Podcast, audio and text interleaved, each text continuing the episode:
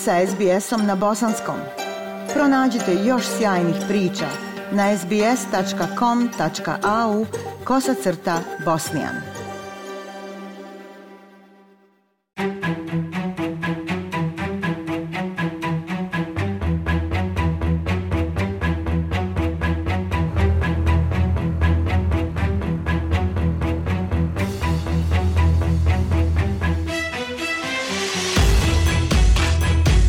Slušate SBS program na bosanskom. U današnjem društvu gdje se produžava očekivano trajanje života, aktivno starenje postaje ključna komponenta očuvanja zdravlja i životne radosti u trećoj životnoj dobi. Svjetska zdravstvena organizacija naglašava važnost unapređenja, vođenja zdravog života, sigurnosti i socijalne uključenosti kako bi se unaprijedio životni standard starih osoba.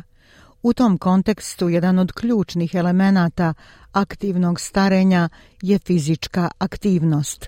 Prilog Mirne Primorac. Brojne studije pokazale su da redovna fizička aktivnost može pomoći u prevenciji mnogih bolesti povezanih sa starenjem, uključujući srčane bolesti, dijabetes tipa 2 i osteoporozu.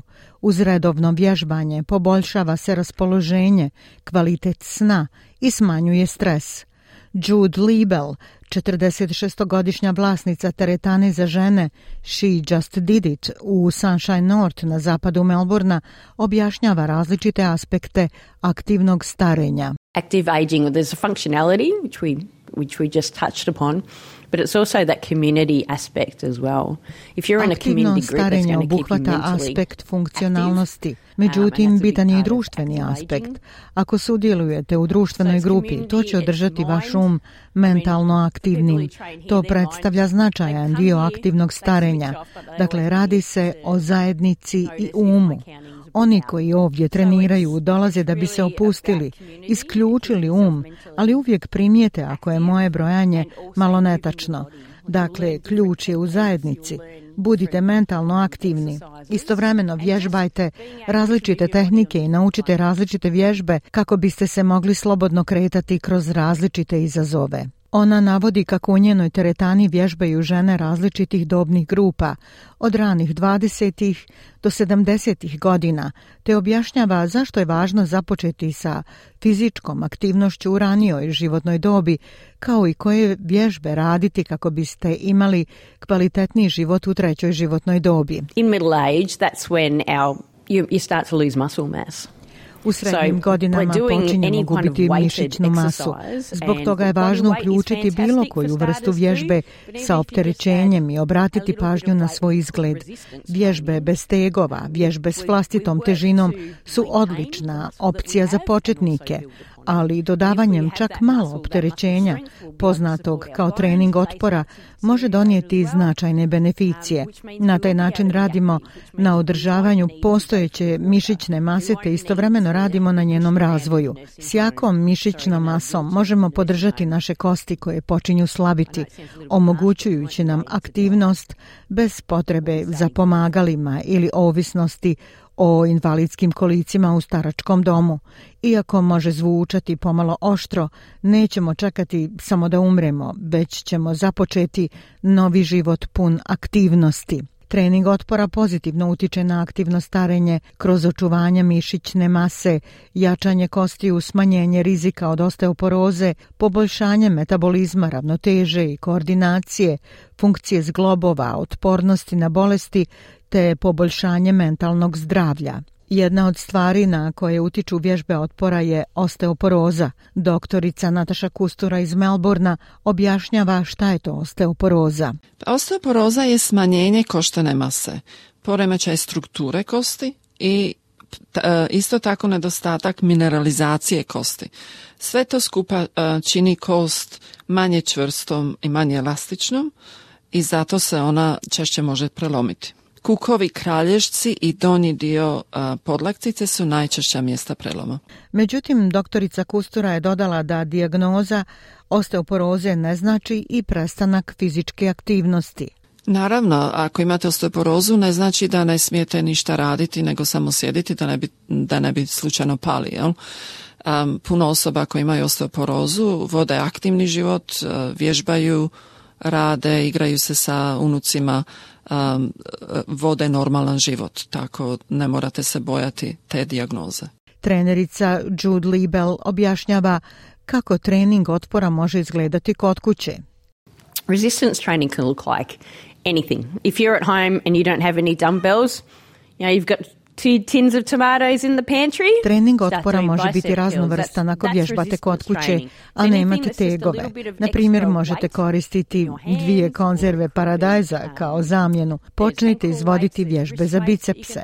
To se smatra treningom otpora, što znači da bilo koja dodatna težina u rukama može poslužiti. Postoje opcije poput tegova za gležnjeve ili zglobove ruku, čak i samo korištenje vaše tjelesne težine dok čekate da se skuha ka u kuhinji može biti djelotvorno. Razmislite o čučnjevima. Postoje razne mogućnosti vježbanja koje se mogu provesti kod kuće, a isto tako možete razmotriti članstvo u teretani.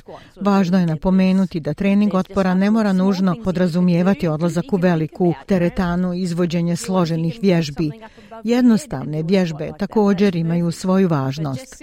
Razmislite o funkcionalnosti svoga tijela i onome šta želite održavati u budućnosti. Jedna od najvećih prepreka u trećoj životnoj dobi koja sprječava ljude da se kreću je fizičko ograničenje ili hronične zdravstvene tegobe.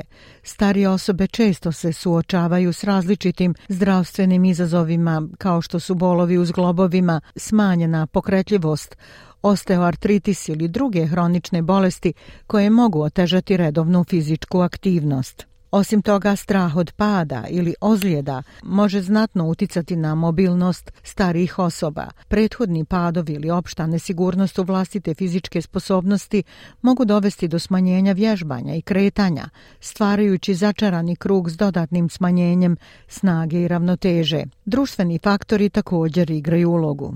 Usamljenost, nedostatak podrške ili socijalne interakcije može demotivisati starije osobe da ostanu aktivne, Nedostatak prilagođenih prostora i infrastrukture, kao i nedostatak svijesti o važnosti i fizičke aktivnosti u trećoj dobi također mogu biti prepreke. U cilju prevladavanja tih prepreka Jud navodi da je važno pružiti prilagođene programe vježbanja, educirati starije osobe o važnosti održavanja tjelesne aktivnosti, podsticati sigurno okruženje za vježbanje i pružiti emocionalnu podršku i motivaciju. Uvođenje zajedničkih aktivnosti i socijalnih programa također može potaknuti starije osobe da ostanu aktivne i društveno uključene. Only this week had a, 35-year-old contact me and said, I've seen what's happened to my grandmother. She can't bend down to pick things up anymore. Ove sedmice kontaktirala me 35 godišnjakinje i rekla mi je da je vidjela šta se dogodilo njenoj baki. Više se ne može sagnuti da pokupi bilo šta spoda. Ne želim završiti tako. Imamo i druge žene koje žele biti aktivne. Kada se penzionišu, one žele izlaziti i biti aktivne. Ne žele stati. Dakle, kada razmišljamo o starenju, ako sada ostanemo aktivni, bit ćemo aktivni i kasnije. Nastavit ćemo s tom praksom, dodala je Jude Liebel, vlasnica i trenerica u teretani za žene She Just Did It. Za SBS na bosanskom jeziku Aisha Hadži Ahmetović. Ostanite i dalje s nama.